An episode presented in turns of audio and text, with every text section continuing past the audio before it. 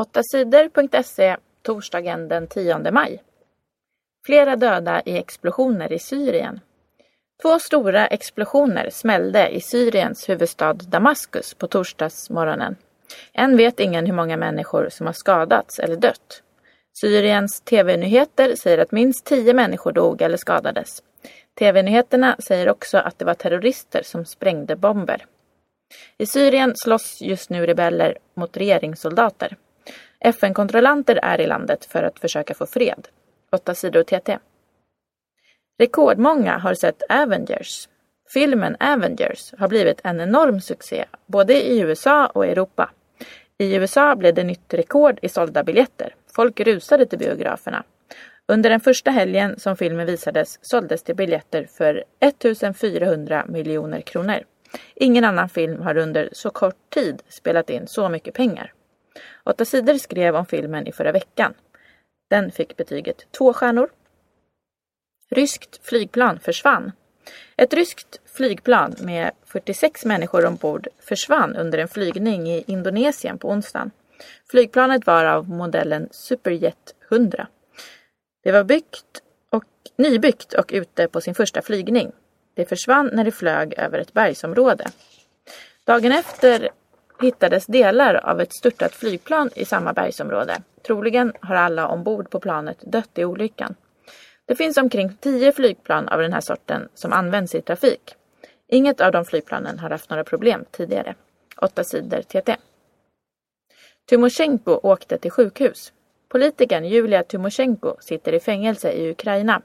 Hon är dömd för att ha missbrukat sin makt när hon var landets ledare. Men många säger att Tymosjenko är oskyldig och måste släppas fri. Politiker i Tyskland och flera andra EU-länder har sagt att Ukraina måste släppa Julia Tymosjenko. Julia Tymosjenko har varit sjuk i fängelset. Hon har krävt att få åka till sjukhus utomlands. Ehm, hon har stora problem med sin rygg. Julia Tymosjenko har vägrat åka till sjukhus i Ukraina. Hon har sagt att hon är rädd. På onsdagen åkte Julia Tymosjenko ändå till ett sjukhus i Ukraina. Hon har blivit lovad att få vård av en grupp tyska läkare som kommit till Ukraina. 8 sidor TT. Ännu ingen ny regering i Grekland. Högerpartiet Ny Demokrati misslyckades med att bilda ny regering i Grekland efter valet. Partiledaren Antonis Samaras hittade inga partier som ville samarbeta. Sedan fick Vänsterpartiet Syriza försöka. Men på onsdagskvällen gav partiledaren Alexis Tsiparas upp. Inte heller han lyckades komma överens med andra partier och bilda en regering. Nu blir det Socialdemokraterna Paskos tur att försöka. Många tror att även Paskos kommer att misslyckas. Om de, inte de politiska ledarna kan bilda en ny regering tvingas Grekland hålla ett nytt val. Det kan bli nytt val redan i början av juni. 8 sidor TT. Christian Olsson är skadad igen. Oturen fortsätter för trestegshopparen Christian Olsson. På onsdagen tvingades han avbryta ett träningsläger i USA. Det är Christians ena fot som krånglar. Den skadan fick han under VM i somras. Men efter operationen kunde 32-årige Christian börja träna igen. Men nu har alltså Christian fått ont i foten igen. En läkare i Göteborg ska undersöka den skadade foten. Christian Olsson har vunnit VM, OS och EM. Han siktar på att ta medalj i sommarens OS-tävling i London. Nu är det osäkert om han kommer att kunna tävla där. Nu ska popmusiken in på museum. Det ska bli ett popmuseum på Djurgården i Stockholm. Ett hus till det nya museet byggs redan nu mellan Gröna Lund och Liljevalchs konsthall.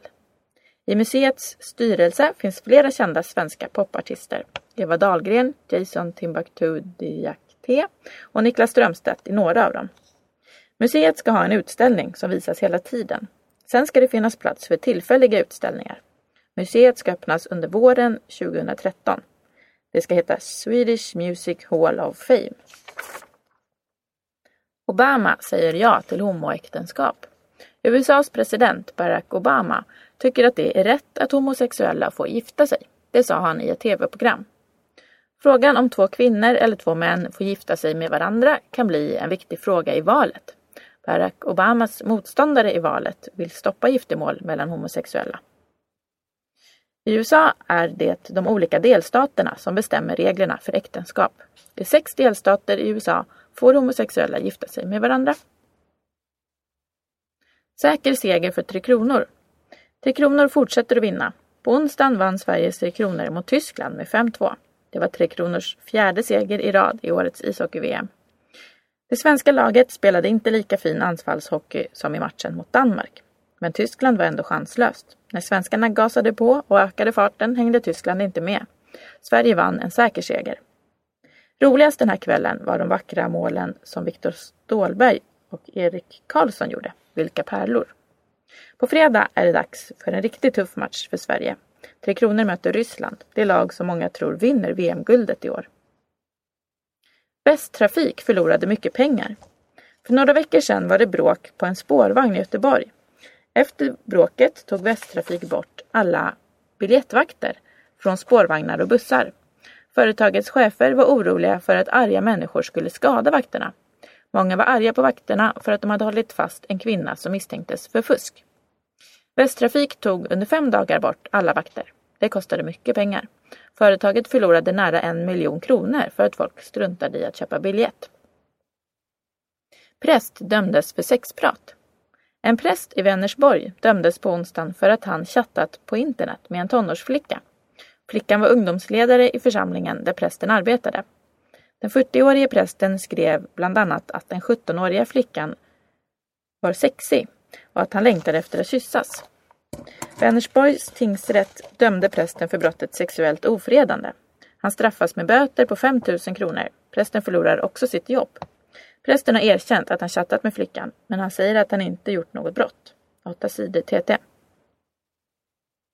SD får inte spela boll med de rödgröna. Varje år brukar de rödgröna partierna i riksdagen spela fotboll mot partierna i den borgerliga alliansen. Det har politikerna gjort sedan 70-talet.